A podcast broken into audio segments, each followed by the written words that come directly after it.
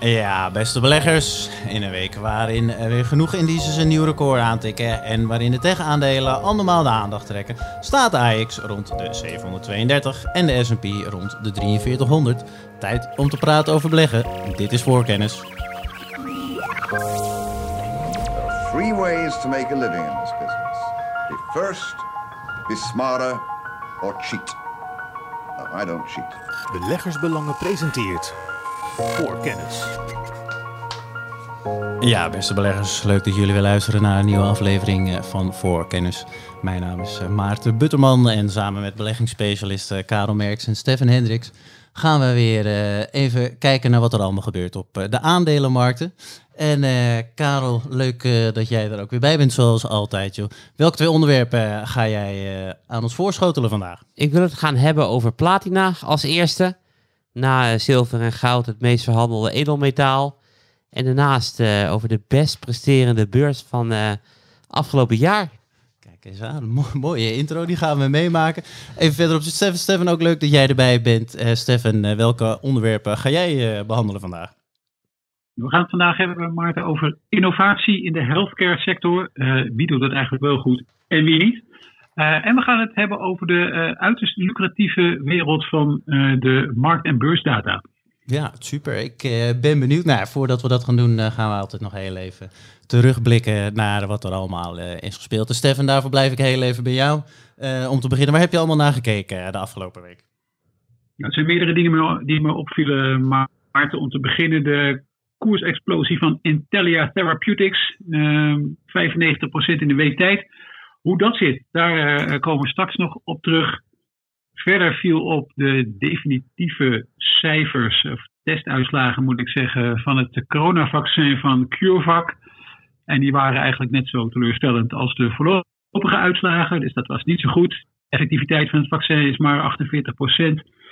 Aandeel dus ook uh, vanochtend weer 15% lager. En er was natuurlijk de toch best opvallende uitspraak uh, in de VS over de een mededingingszaak die de Amerikaanse autoriteiten wilden aanspannen tegen Facebook. Ja, en die is eigenlijk een beetje door de uh, rechter ja, gewoon omvergeduwd daar. Ja, want eh, Facebook ging volgens mij op het nieuws 4% uh, ongeveer uh, omhoog. Is dit ook ja. meteen voor de rest van de sector, nou ja, vrijbrief, vrijkaart wil ik niet zeggen, maar valt er over de rest ook wat te zeggen? Of? Nou, het blijkt dus lastig, en ik ben ook benieuwd hoe dit zich gaat ontwikkelen. Het blijkt dus lastig uh, als je de uitspraak van die rechter ziet, om te bepalen wat nu precies die monopoliepositie in social media is.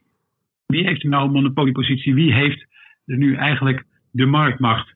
En uh, ja, dat was natuurlijk een van de, ja, de pijlers van uh, de Federal Trade Commission, die dat uh, mededingingsautoriteit, die dat ja, die die zaak aan wil spannen en die misschien iets wil met die mega techbedrijven.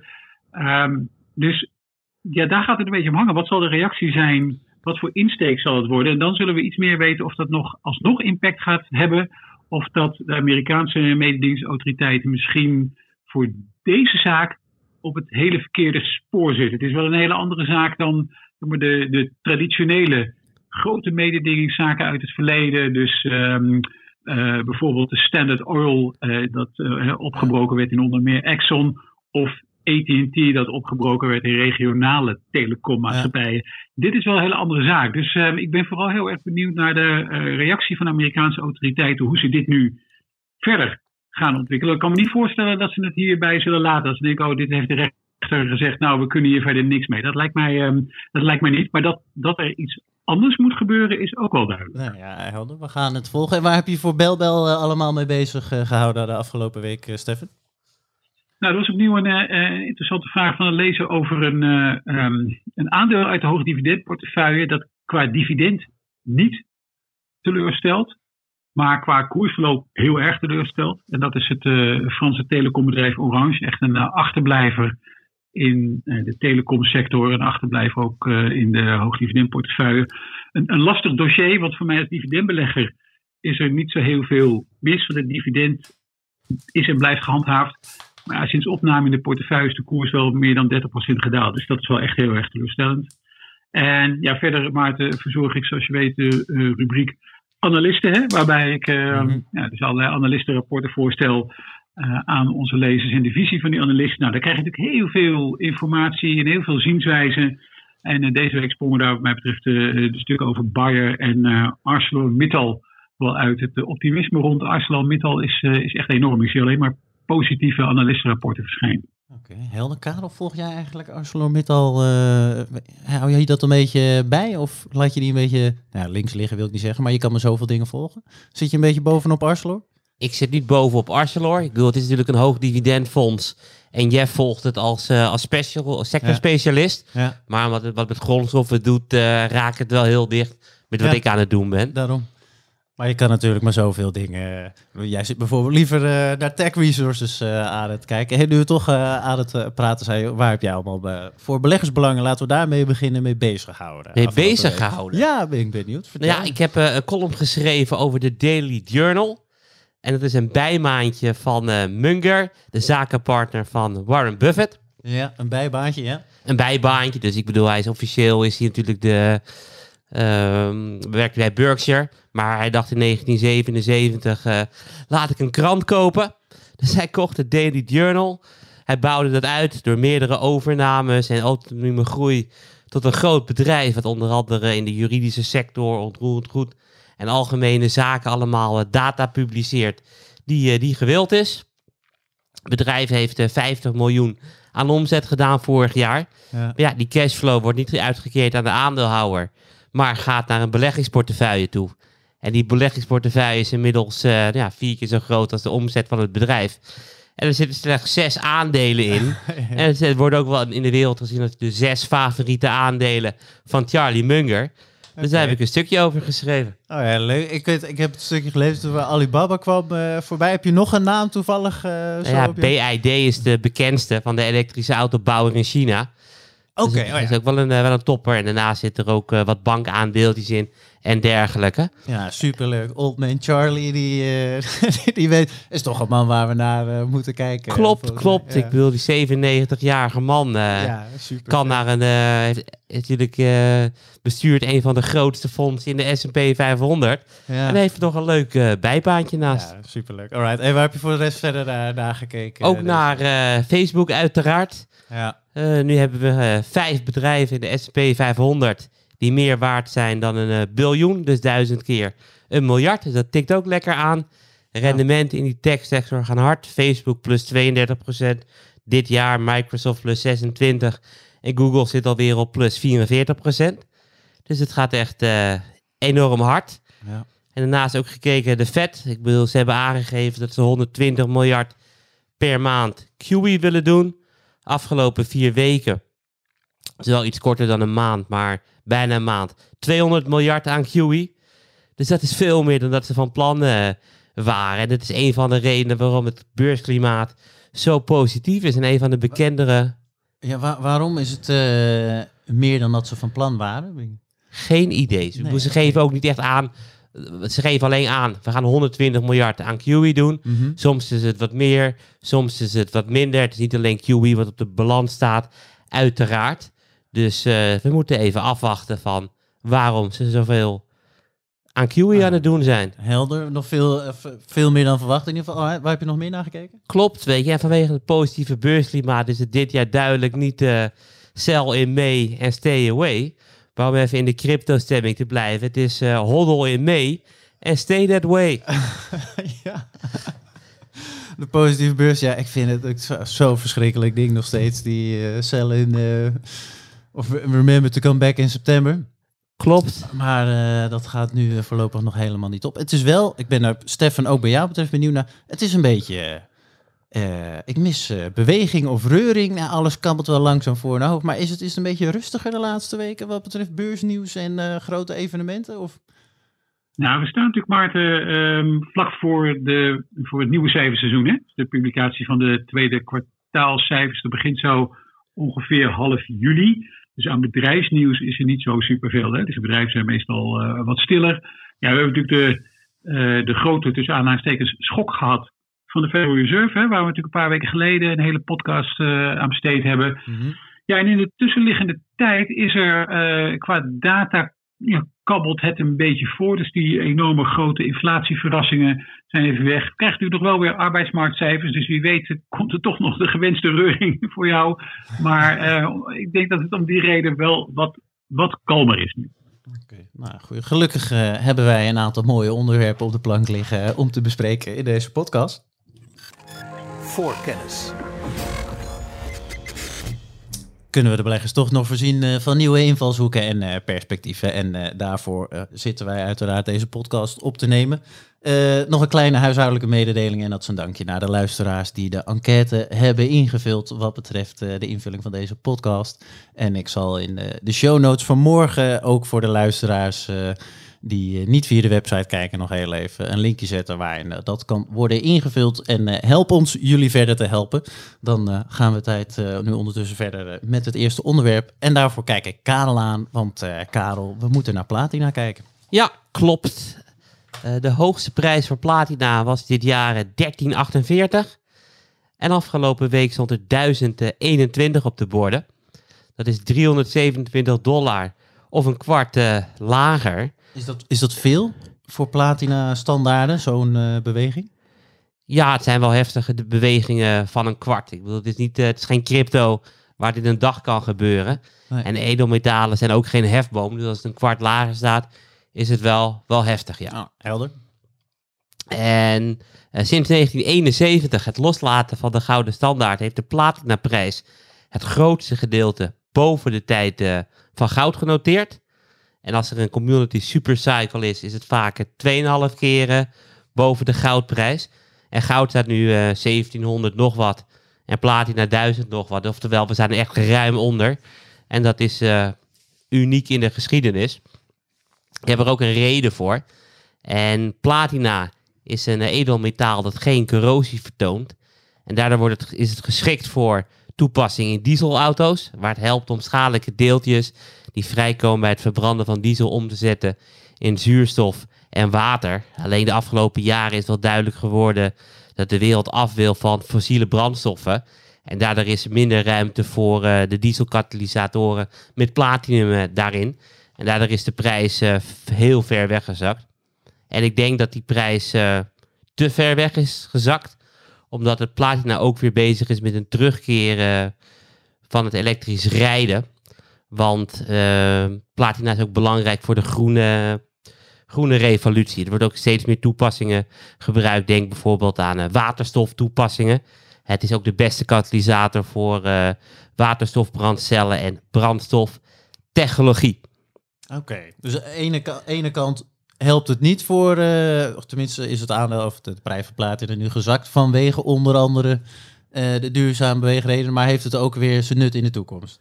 Klopt, het is ook een vervanger voor van kobalt. Okay. En kobalt komt allemaal uit Congo. En Congo werkt graag met kinderarbeid. En de rest van de wereld wil liever niet aan kinderarbeid doen. Dus het is ook een vervanger voor, voor kobalt uh, aan het worden. Dus er zijn er echt een heleboel redenen. Uh, daarnaast is platina ook interessant als edelmetaal wat uh, altijd goed beweegt wanneer de vet met QE bezig is. Dus nou ja, 200 miljard vertelde ik net. dat is dus ook goed voor de platinaprijs. Ja. En als je dan kijkt naar nu naar de, de platinaprijs ten opzichte van de goudprijs, dan staan we zo goed als op een uh, all-time low. En ik denk dat dit een goed moment is om mensen te adviseren om eens te starten met een onderzoek naar het beleggen in platinum. En uiteraard heb ik daar ook een, een tipje voor. Heel goed. Een, een, mooie start is de World Platinum Investment Council. Elke maand uh, proberen, produceren zij een, uh, een gratis PDF met allerlei investment research. En dat is uh, leerzaam om te lezen. Heel goed. We zetten hem in de show notes. En voor de luisteraars die heel gretig altijd op donderdagavond misschien al de show notes willen bekijken. Die staan pas op vrijdag op de website. Dus weten de luisteraars dat ook meteen. Steffen, uh, zit jij een beetje in platina? Doe je er iets mee? Kijk je ernaar? Zit het in je achterhoofd? Vertel. Nee, het is denk ik een beetje, volgens mij heb ik wat wel meer beleggers hebben die uh, helemaal bij het argument dat Karen noemde bijvoorbeeld over uh, heel stimulerend monetair beleid en eventueel inflatiegevaar. Dan denk je altijd in eerste instantie aan goud en daarna dan misschien ook nog een beetje aan zilver. Maar op de een of andere manier is uh, platina altijd een beetje naar de achtergrond. Uh, ik weet niet precies hoe dat komt. En vroeger had je ook nog wel, misschien weet K dat nog wel, echte platina aandelen. Zoals Anglo Platinum, die dan ook nog een, hè, dus bedrijven die platina winnen, die ook nog een beursnotering hadden. Zijn die er eigenlijk nog? Maken die inmiddels allemaal uh, onderdeel uit van grote mijnbouwers? Of zijn ze wel afgesplitst, Karel? Nee, je hebt ze nog wel de kleine aandeeltjes. Ik vond het alleen misschien iets te speculatief om te behandelen in deze uitzending. Maar omdat jij je daar vraagt, gaan we het gewoon doen. Nou, eentje dan. Eentje dan. Zuid-Afrika Platinum Metals Group genoteerd aan de beurs van New York. Code PLG. Een uh, paar maanden geleden ook in een tip voor mij uh, van voorbij gekomen. En ze zijn, uh, ja, ze hebben onlangs een interessante mijn aangeboord in Zuid-Afrika. En ik verwacht er wel, wel veel van. Als je naar de koers kijkt, beweegt het al maanden tussen de 360 en de 530. Nou ja, zijwaarts trendkanaal, Stefan. Dus we zitten nu bij de steun op 360. Nou ja, en als hij steun houdt, dan is het denk ik een hele mooie kans. Kijk eens aan, we gaan de volgende. PLG was de ticker, uh, zei je. En uh, ik ben nog zelf heel even benieuwd, want uh, volgens mij is de voornaamste reden is, dat is de verhouding met goud. Ja, klopt. klopt. Het is één. En wat je ook heel vaak ziet, is dat wanneer er een boelmarkt in, in grondstoffen is, echt een flinke, mm -hmm. die we beleggers ook wel eens aanduiden met de commodity supercycle. We hebben er twee van gehad. Eentje van 2000 tot, tot 2008. En eentje van uh, 72 tot eind jaren 70. Mm -hmm. En in zo'n grondstoffenboelmarkt is, is platina meestal het best presterende edelmetaal. Een soort hefboom nog op, uh, op goud. Oké, okay, want is, platinum is toch een van de vier volgens mij grote... Je hebt ook palladium. Ja, daarom vraag ik nog. Want je hebt volgens mij goud, zilver, platinum en palladium. Die worden altijd in één adem genoemd. Nou ja, goud en zilver altijd in één adem. En daarna nog een halve adem aan die Ongeveer, andere twee. maar dat klopt niet helemaal. Want ik bedoel, goud staat natuurlijk op 1700. En de, de high van de jaren 70 en 80 was 800. Dus Mhm. goud is al twee keer hoger dan eh, begin jaren 80. Ik bedoel, begin jaren 80 heeft zilver eh 50 gezien per ounce. En we staan nu op, eh, op 26. Dus dat is de helft van waar ze zijn. Dus je ziet wel dat goud echt met stip het best presterende edelmetaal is geweest. Ja, oké, maar ik bedoel, ze worden wel vaak in het- dezelfde adem genoemd, maar qua aandacht gewoon voor beleggers. Nou ja, je begint Wat- meestal... Kijk, het is net een beetje met cryptocurrencies. Ja. Ik bedoel, je begint met goud, je begint met bitcoin.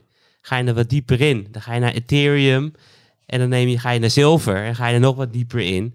Dan kom je op andere muntjes eh, uit. Dan kom je ook weer bij, bij platina. Helder. Nou, we gaan hem volgen en eh, we gaan zelf ook naar een volgende laag eh, van deze podcast, want we hebben nog een ander onderwerp op de planning staan. Voorkennis. En eh, die komt aan de hand van Steffen. Steffen, eh, we gaan het met jou over het spectrum van innovatie hebben. Ik dacht wel bij mezelf, gaan we het, is, is innovatie niet eh één zijde van het spectrum, eh, wat dan aan de andere kant non-innovatie is? Ik laat het jou maar heel even uitleggen, maar er gebeurt wat in eh, de farma-industrie en de biotech. Vertel. Ja, je weet dat, eh, dat ik die, de healthcare sector natuurlijk ontzettend volg. Het heeft mij een enorme interesse. En waarom? Er zit het, het is niet alleen dat je er als belegger heel veel geld mee kunt verdienen, uiteraard.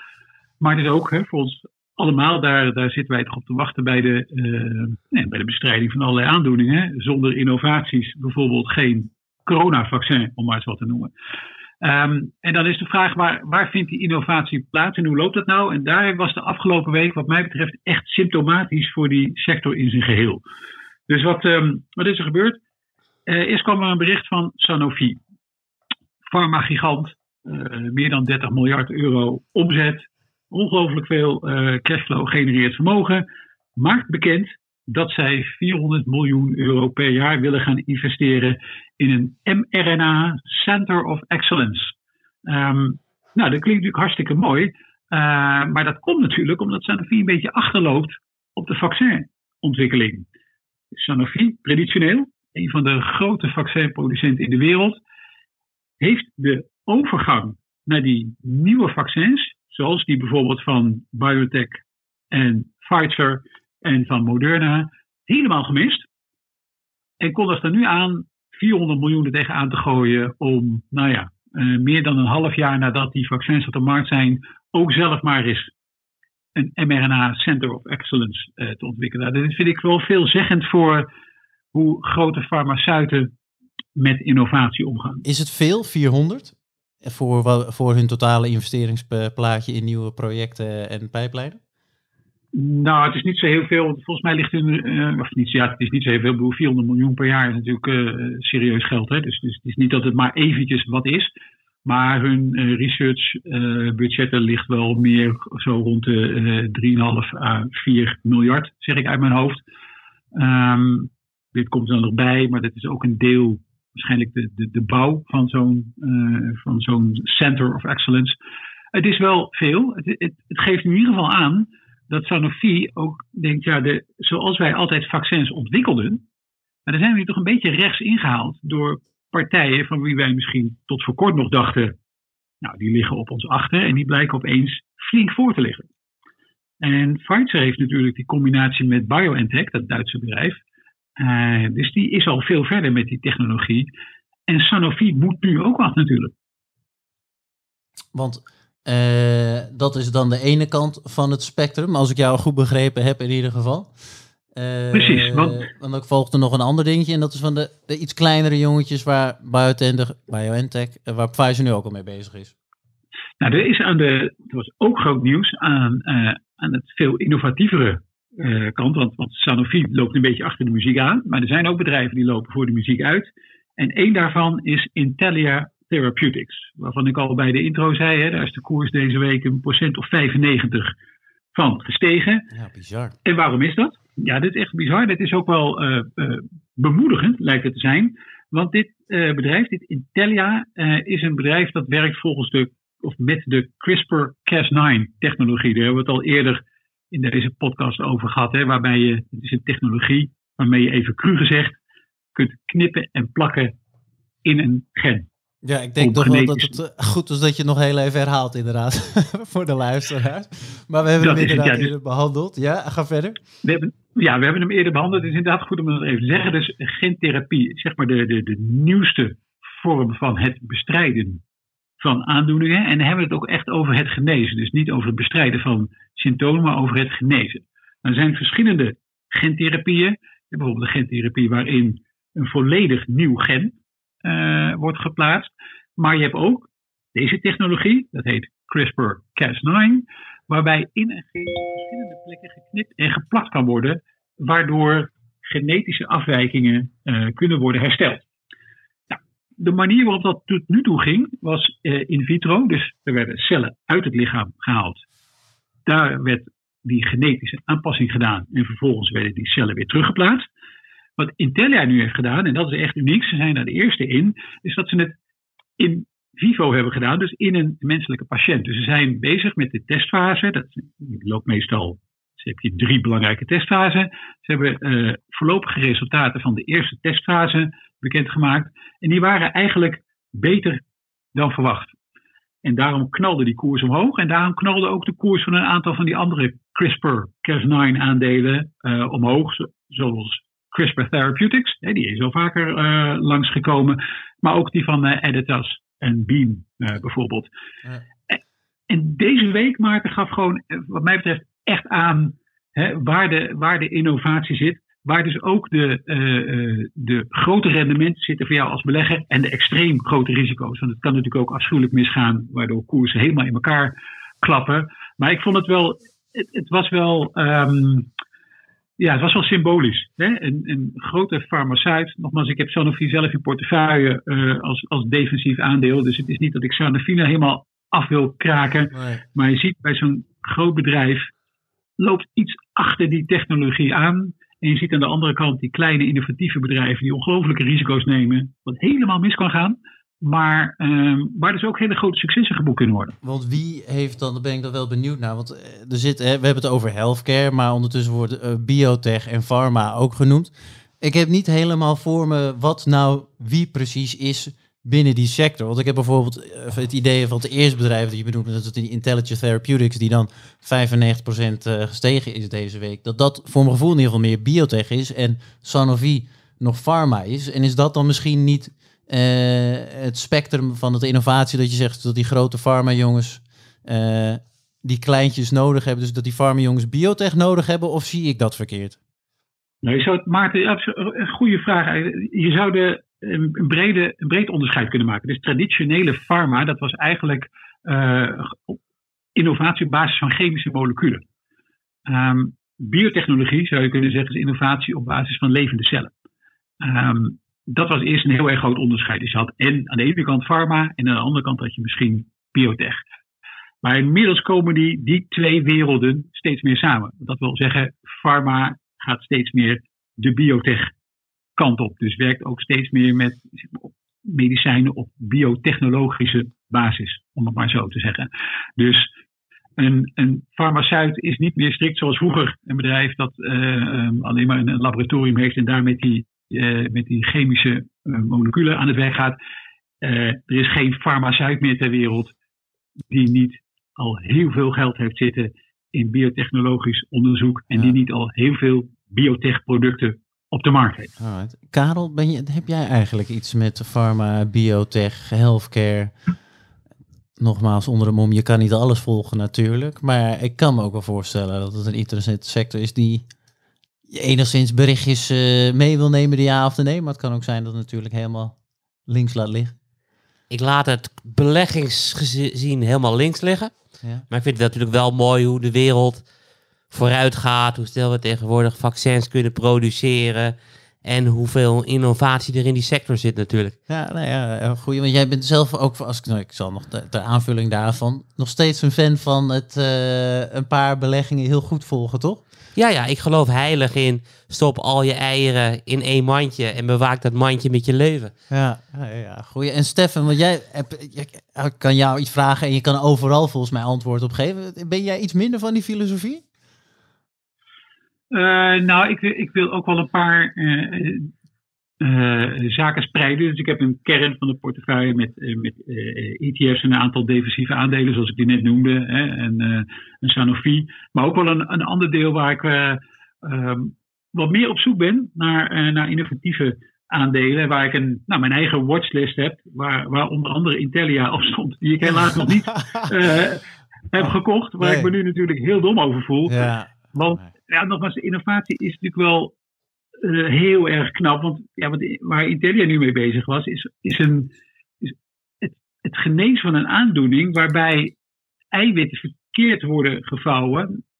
In de constructie bijvoorbeeld, waardoor, je, waardoor vitale organen aangetast kunnen worden met uh, de, eventueel de dood tot gevolg. Dus we hebben het hier wel niet meer over wat je vroeger bijvoorbeeld had, een, een maagzuurremmer waar een farmaceuten heel veel geld in staken. En dan had je de tweede, de derde en de vierde maagzuurremmer van allerlei verschillende farmaceuten die min of meer hetzelfde deed. Dat was niet echte innovatie.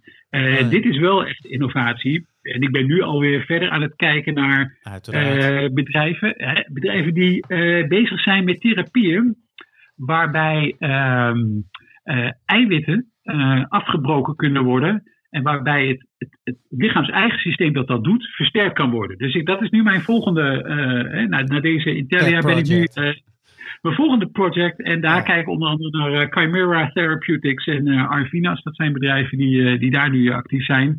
Ja, ik ben wel gefascineerd door de, door de technologische mogelijkheden en door de echte vooruitgang die dit kan bieden. Ja, leuk. Hij hoort ook bijna in je stem. Zijn we nog echt een kwaliteit podcast aan het afleveren. Maar het, bijna het enthousiasme over die sector. Dat uh, nou, vind ik super vet om te horen in ieder geval. En moet ik zeggen, ik vind het zelf ook een heel interessant uh, sector. Dat gezegd hebbende, het is uh, tijd om verder te gaan.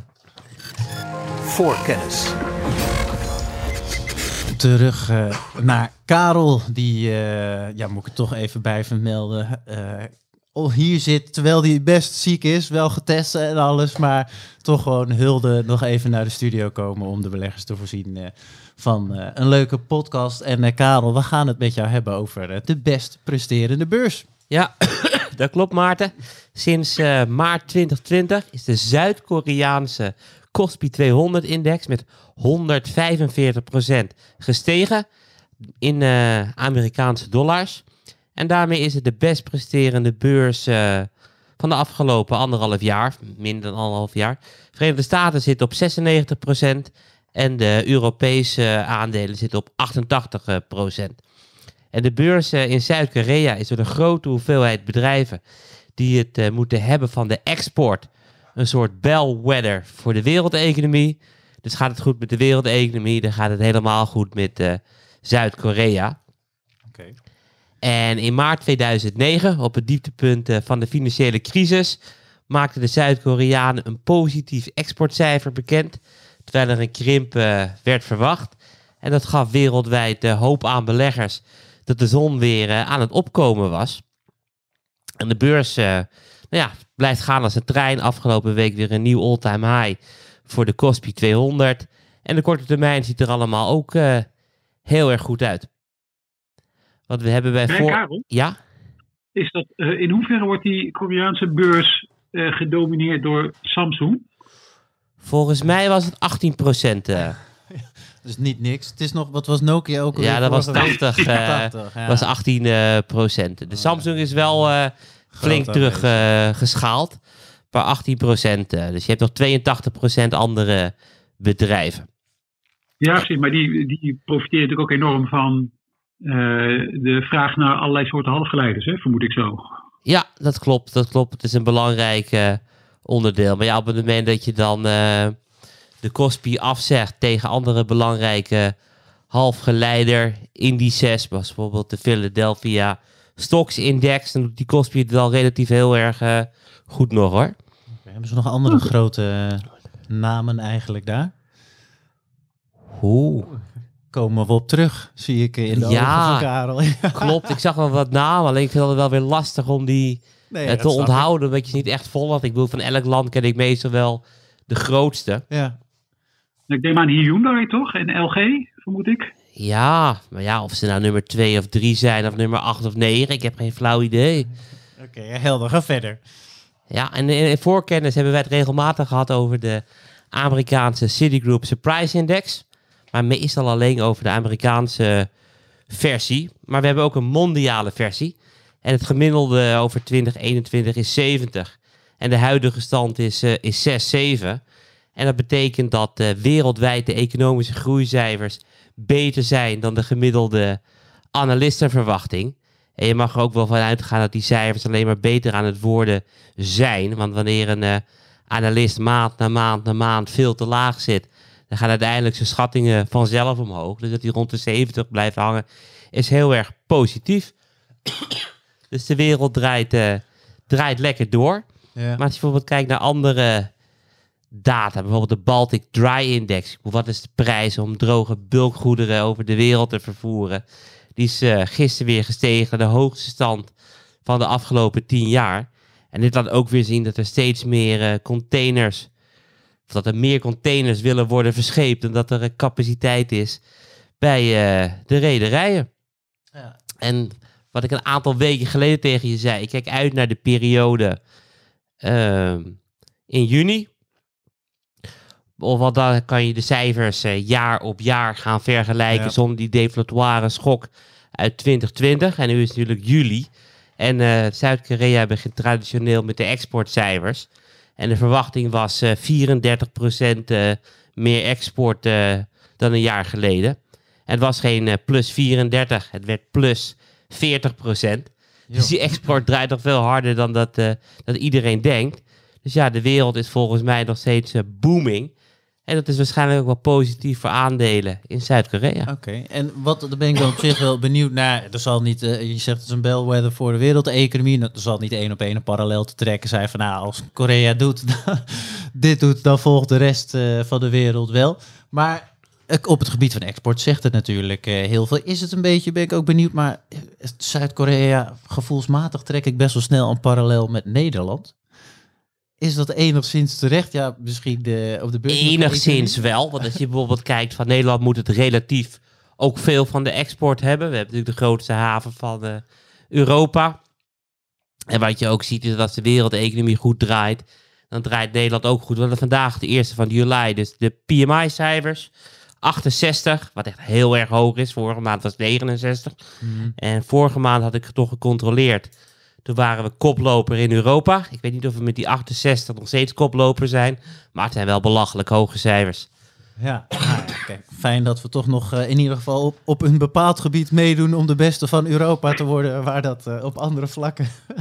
Ho, ho. ehm, Max Verstappen, meneer Van der Poel. Van der eh, Poel, ja, dat niet, klopt de wereld is niet alleen eh, voetbal, meneer Butterman. Nee. We hebben nog veel meer. Dat klopt inderdaad. Over veel meer gesproken, even naar Stefan toe. Want Stefan, heb jij, doe jij iets met Zuid-Korea? Je noemde Samsung al heel. Ja, dat is natuurlijk gewoon een gigantisch bedrijf. Wij schrijven er voor beleggersbelangen eigenlijk nooit over. Maar dat komt omdat die notering volgens mij niet zo... eh, je kan toch niet, je moet het via Amerika doen? Of is daar iets mee met de notering van Samsung? Of zeg ik dan iets geks? Ja, nee, nee, zeker niet. Eh, volgens mij was er wel, of is er wel, een, een zogeheten ADR, hè? een eh, verhandelbaar op de Amerikaanse beurs. Ik weet niet hoe de verhandelbaarheid daarvan was, eerlijk gezegd. Ik heb ook wel de indruk dat, dat is, geldt in het algemeen, denk ik wel, voor buitenlandse aandelen. Al wordt het gelukkig wel wat minder. Dat het voor sommige beleggers soms misschien een beetje een ver van je bedshow is, Samsung. Terwijl ja, qua halfgeleiders zitten wij in Nederland al niet slecht natuurlijk. In ieder geval aan de machinekant niet. En eh, halfgeleiders zelf worden natuurlijk ook geproduceerd eh, door Infineon en STM. En dat is wel wat dichterbij misschien dan Samsung. Ik weet niet maar, ik heb het, eh, zou kunnen zijn dat het, ehm, dat het gewoon eh, ja, echt letterlijk de verder van je bedshow is. Ja, dat kan ik me zomaar voorstellen. Wat ik toch, en dat vind ik dan een van de, nou niet de ergernispunten, want het is best verklaarbaar voor mensen om eh, te beleggen wat dichterbij in de buurt is. Maar puur rationeel gezien lijkt het me altijd zo on, nou ja, onnozel wil ik ook niet zeggen, maar statistisch gezien is de kans beter dat je beter presteert. Als ik het goed verbeter, maar als ik iets zeg gek zeg hoor, maar dat je beter presteert op de aandelenmarkt als je buiten Nederland gaat. Want er zijn, wat is het Karel, 43.000 aandelen genoteerd wereldwijd. Klopt. De kans is groot dat je beter rendement haalt als je niet in de 300, of in ieder geval niet alleen of voor een groot deel in de 300, eh, wat is het, of 100, 150 aandelen die Nederland biedt. Oeh, volgens mij komen we net niet aan de 100, Maarten. Net niet aan de 100? Oké, Nee. ja, ik dacht ook met lokaal erbij. eh, Nou ja, 75 met de ASCX erbij. En lokaal wat fondsjes natuurlijk. Ja, alright. Maar ja, goed, we gaan die vervolgen. En eh, misschien moeten we een keer een eh, omslagverhaal doen eh, over Zuid-Korea. Misschien eh, zitten daar hele mooie aandelen die we kunnen volgen. Voor nu eh, is het tijd om verder te gaan. voor kennis. Om eh, terug eh, bij Stefan eh, te komen voor het laatste stukje. Want eh, ja, de market data aandelen, Stefan. Ik ben daar op zich wel benieuwd naar. En eh, jij denkt ook dat onze luisteraars daar eh, naar moeten kijken. Dus vertel. Ja, het is een hele interessante sector, maar soms kom je wel eens ergens terecht, Maarten, via een kleine, een kleine omweg, dat je niet dacht dat je er nog eh, heel veel aandacht aan zou besteden.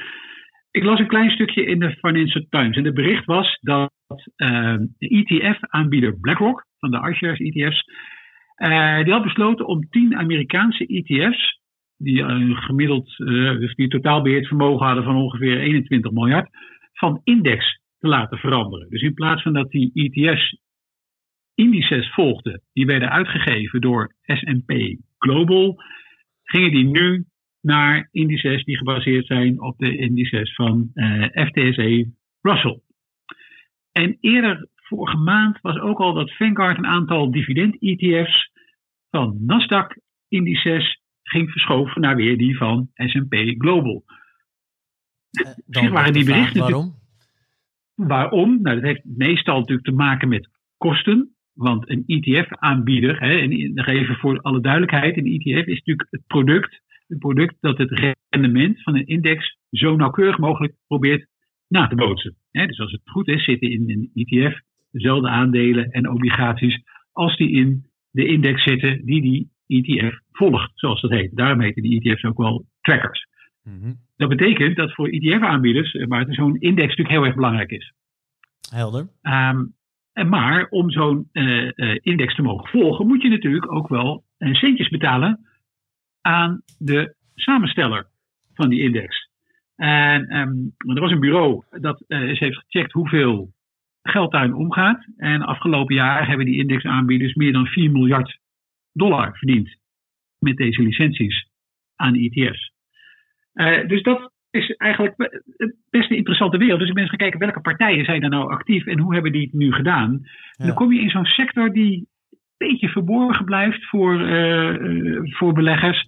maar die eigenlijk wel uh, waanzinnige resultaten heeft behaald. Dus nou, wat zijn de bekende indices? Die van MSCI, denk ik. Hè? De MSCI World en de MSCI Europe. Die, allemaal indices die iedereen kent. Ja. MSCI zelf is beursgenoteerd. S&P Global, dat is dus de samensteller van de S&P 500 en de Dow Jones als bekendste. Die is ook beursgenoteerd. Um, IHS Market, die zullen helemaal weinig mensen kennen, maar die zijn vooral bekend om hun eh, PMI-indices, dus inkoopmanagers-indices, en nog bekender vanwege hun obligatie-indices. Nou, als je eens kijkt naar wat die partijen de afgelopen vijf jaar hebben gedaan, dus de S&P 500-index, nou die heeft het al niet slecht gedaan, 105% over de afgelopen vijf jaar gestegen. Maar dat valt echt in het niets bij de winsten van die marktdata aanbieders. Dat is echt ongelooflijk. Dus ehm, IAC Market is 245% gestegen in die tijd. S&P Global 200, meer dan 280. Moody's, dus van de, de kredietbeoordelaar eh, onder andere, bijna 290. En om het nog even lekker af te sluiten, MSCI 594% gestegen in vijf jaar tijd. En het zijn grote bedrijven. Uh, dus de beurswaarde van S&P Global gaat al richting de 100 miljard. MSCI zelf is nog zo'n 45 eh, miljard waard. En de groten in die wereld worden alleen nog maar nog groter. Want uh, later dit jaar hoopt SP Global de overname van IHS Market af te ronden. Waardoor ze niet alleen heel sterk zijn in allerlei aandelenindices, maar dan ook die obligatiewereld hebben. En het lijkt eigenlijk alleen maar of er, of er meer indices komen, of die, die markt gewoon maar groeit duurzame indices zijn bijvoorbeeld heel erg belangrijk. Dus uh, eh, MSCI ook heel erg uh, sterk in. Want ja, ik wou net dus zeggen, is het, waarom is MSCI zoveel meer dan die andere? Is het vanwege, ik, ik ken ze zelf vanuit de ETF's, maar is dat een van de onderliggende redenen? Of? Nou, Maarten, er, er, was een, er was een tijd, bijna niet voorstelbaar, maar er was een tijd dat je nog geen um, ETF's had, maar wel indices. Hè, dat begint natuurlijk dat je graag wil weten hoe beurzen zich ontwikkelen. Dat kan mhm. per land zijn, of dat kan per uh, regio zijn, per continent, et cetera. Um, en dat was ooit een niet heel erg spannende business natuurlijk. Ja, je stelde een index samen en dat, en dat publiceerde je, maar je kon daar op dat moment nog niet zo heel veel mee. Wat eigenlijk veranderde zijn een paar ontwikkelingen. Uh, ten eerste werden die indices veel gebruikt als benchmark voor actieve beleggingsfondsen. Dus als jij bijvoorbeeld een beleggingsfonds op de markt bracht, gericht op Europese aandelen, nou ja, dan wilde je die prestaties ergens tegen kunnen afmeten. Nou, die index waar je dat tegen afmeet, dat is een benchmark. Ja, dan moet je een, een bekende kiezen, die veel beleggers kunnen volgen. Nou, dat werd dan heel erg vaak de MSCI Europe, omdat MSCI een van de, uh, een van de eerste was. Mhm. Nou, met de komst van die ETF's is die index natuurlijk nog veel belangrijker geworden. Want die ETF's die, die kopiëren als het ware die index. Die hebben al die data van die index nodig. En, en met de opkomst van kwantitatief beleggen en computerkracht worden, worden allerlei data, allerlei beursdata ook steeds belangrijker. Dus iedereen wil steeds meer data hebben. Dus dat, dat groeit allemaal bij die bedrijven. En daar krijg je dus dit soort, vind, vond ik in ieder geval, want ik had me er zelf nog nooit in verdiept tot aan vandaag. Uh, maar dan krijg je dus echt bizar hoge rendementen van.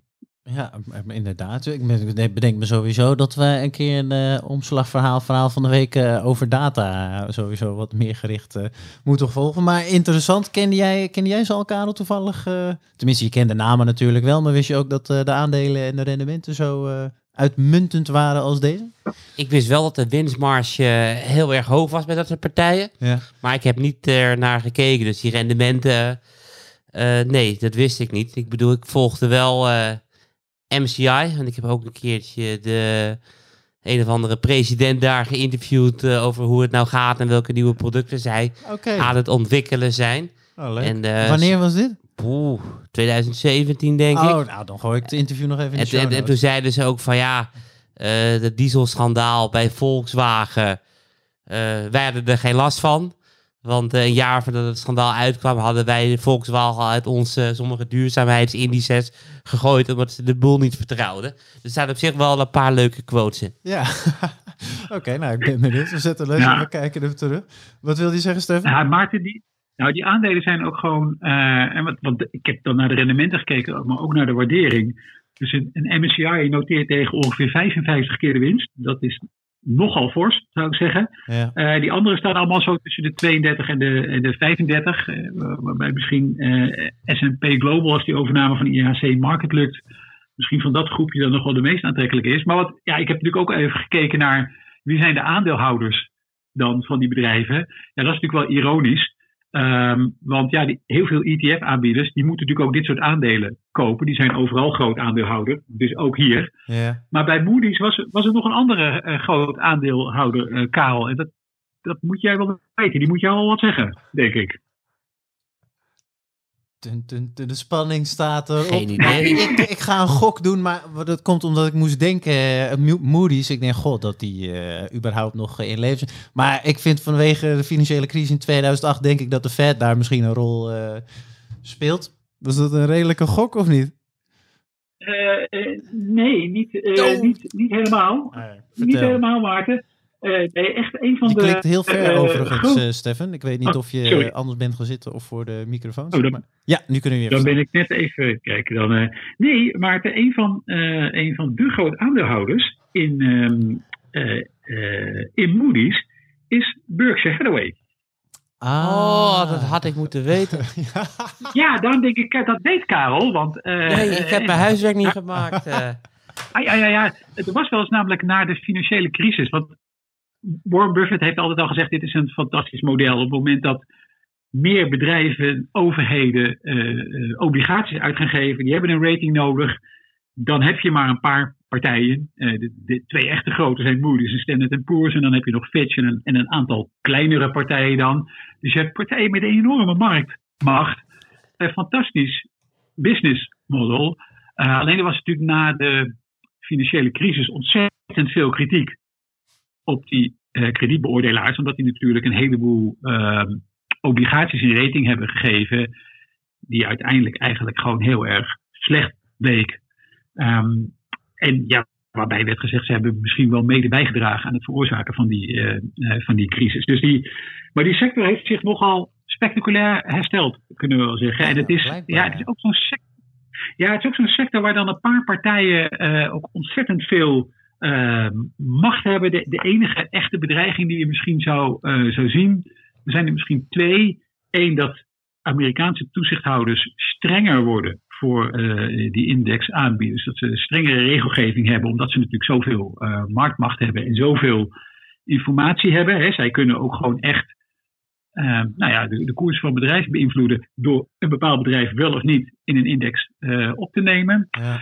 Eh, en het zou natuurlijk kunnen zijn dat op een gegeven moment ETF-aanbieders, je ziet er een kleine trend al eh, ontstaan, gaan doen aan, een, aan iets wat dan zelfindexing heet. Met andere woorden, je ontwerpt een ETF op basis van een index die je ook zelf hebt ontworpen. En als, Eh, zodat je in ieder geval die fee hoeft te betalen aan de, aan de indexaanbieder. Karel. en als derde zou ik als risico willen toevoegen. Ja, als een KW van 55 naar 27 gaat, zou ik niet eens zo extreem vinden. Maar dan heb je het wel over een koershalvering natuurlijk. En de vraag is van met de opkomst van ETF's, waar zijn we? Zijn we aan het begin? Zijn we halverwege? Zijn we redelijk op het einde? Dus is een KW van 55 voor S&P wel te verantwoorden? Ja, ik vind het ook, ik vond het ook verbazingwekkend hoog, eerlijk gezegd, Karel. Kijk, die, de S&P Global bij wijze van rond de 32, dan zou je nog willen zeggen, nou ja, goed, een bedrijf dat ontzettend profiteert van hè, het feit dat de aandelenmarkten zo stijgen. Nou ja, misschien is dat eh, niet zo gek. Er komt wel steeds meer data beschikbaar, dus die databehoefte neemt wel ontzettend toe. Maar ik ben met je eens, Karel, dat ehm, ehm, waarderingen van in de 50, ehm, ja, zelfs voor een s- snel groeiend bedrijf wordt wel, is wel fors. Is dit, zijn, zijn dit, zijn dit oké, ja, ik wilde, je zegt het net, een snel groeiend bedrijf. Is het, zijn dit groeiaandelen of waardeaandelen? Daar ben ik dan, eh, was ik op zich benieuwd. Maar als ik jou zo hoor in de laatste zin, dan eh, is het dus het laatste. Ja, maar ze profiteren echt. Er zijn een aantal trends die natuurlijk eh, die een, een, wind in de rug vormen voor dit soort bedrijven. Dus Ja. de behoefte aan data is enorm groot. De beurzen stijgen op dit moment eh, nog. De behoefte aan indices is ook heel erg groot, omdat er meer ETF's uitgegeven worden en ook meer gespecialiseerde ETF's. Dus duurzaam heeft opeens een heel nieuw marktsegment geopend voor die uh, indexaanbieders. Ja. En dan heb je voor de kredietbeoordelaars, komt dan nog eens bij, ja, hoe meer uh, leningen er uitgegeven worden, ja, hoe meer ja, handel, om het even zo plat te zeggen, er hun kant op komt. Uh, dus, dus zij zitten nu wel in een soort sweet spot van hoe de financiële markten zich ontwikkelen. En dat, ja, dat wordt dan weer spiegeld in waarderingen die, um, uh, die aan de forse kant zijn. Oké. Okay. Helder, we gaan er uh, nog later op terugkomen. Heel kort, uh, Stefan, wat raad je beleggers aan die willen beginnen met inlezen over dit onderwerp? Is er, kunnen we nog een artikeltje of iets dergelijks plaatsen? Waar, waar moeten beleggers nu naar kijken? Poeh, um, Ja, er is, ja, ja, ik probeer namelijk te zoeken naar bronnen die toegankelijk zijn ja. voor uh, beleggers. Dus voor mij is het heel erg makkelijk om te zeggen, nou, lees de Financial Times, maar daar zal niet iedereen toegang toe hebben. Of lees, uh, uh, gebruik een, een Bloomberg terminal, waar helemaal weinig mensen toegang zullen hebben. Um, dus dat. Nou, wordt, ik, je zou wordt ook nog vervolgd, anders die vraag. Wordt vervolgd, ja. ja. Ik, maar je zou eens beginnen, kunnen beginnen, Maarten, bij de, uh, gewoon bij de investor relations sites van, van de bedrijven die ik heb genoemd. Ja. En dan zie je wat ze doen, dan zie je hoe ze groeien. En dan kun je ook um, uh, zien waarom S&P Global zo heel erg graag IHS Market over wil nemen. Ja, goed. Ik zet er wel een paar linkjes in de show notes in ieder geval van de benoemde bedrijven. Nog heel kort voor mij was Moody's, uh, omdat je het zojuist wel noemde, in, uh, door de financiële crisis, dat het zo'n slechte reputatie had. Maar werden zij niet ook uh, gered door overheden en Feds en dat soort dingen? Of zit ik aan andere partijen te denken? Nee, nee, dat waren de Fannie Mae's en Freddie oh. Macs van, deze, van deze wereld. Maar misschien ja, dat je die bedoelde. Ja, daar ben ik mee. Ja. Vandaar dat ik het nee, het kan wel zo zijn.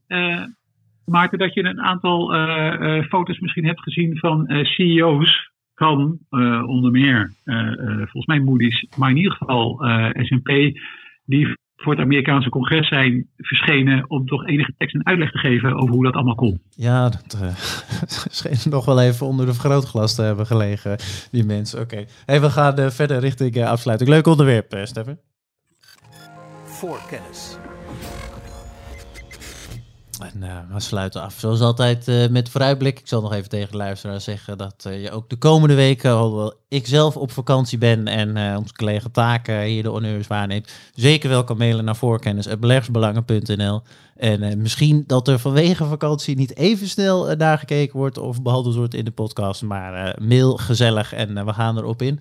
Karel, ik kijk jou als eerste aan met de vooruitblik. Vertel.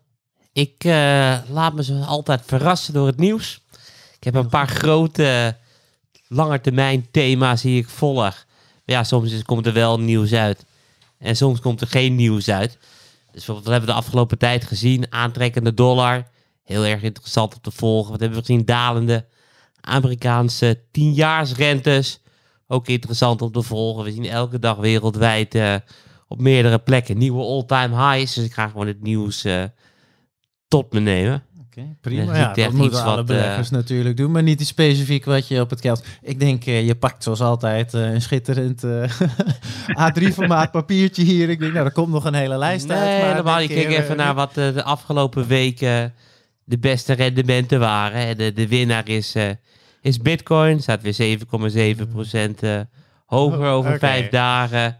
En nou ja, AMS Amadeus uh, Spanje min 7,9 procent. inderdaad staan, ja. Nou, daar komen we dan volgende keer. Dat heeft dus weer met die Delta-variant te maken. Dat dus sommige bedrijven die het echt van de toeristische sector moeten hebben... Ah, nu onder druk uh, beginnen te komen te staan. En dan ja. zie ik zo'n lijst en hey, bijna 8% eraf van Amadeus. Dus dat betekent Amadeus wel... levert uh, voor de luister software, als ik het goed heb begrepen, met name aan de toeristische sector. Ja, klopt. Mij, ja. Dus ik bedoel, je zit altijd eerst in dat soort aandelen, dat het Delta variant risico wordt ingeprijsd.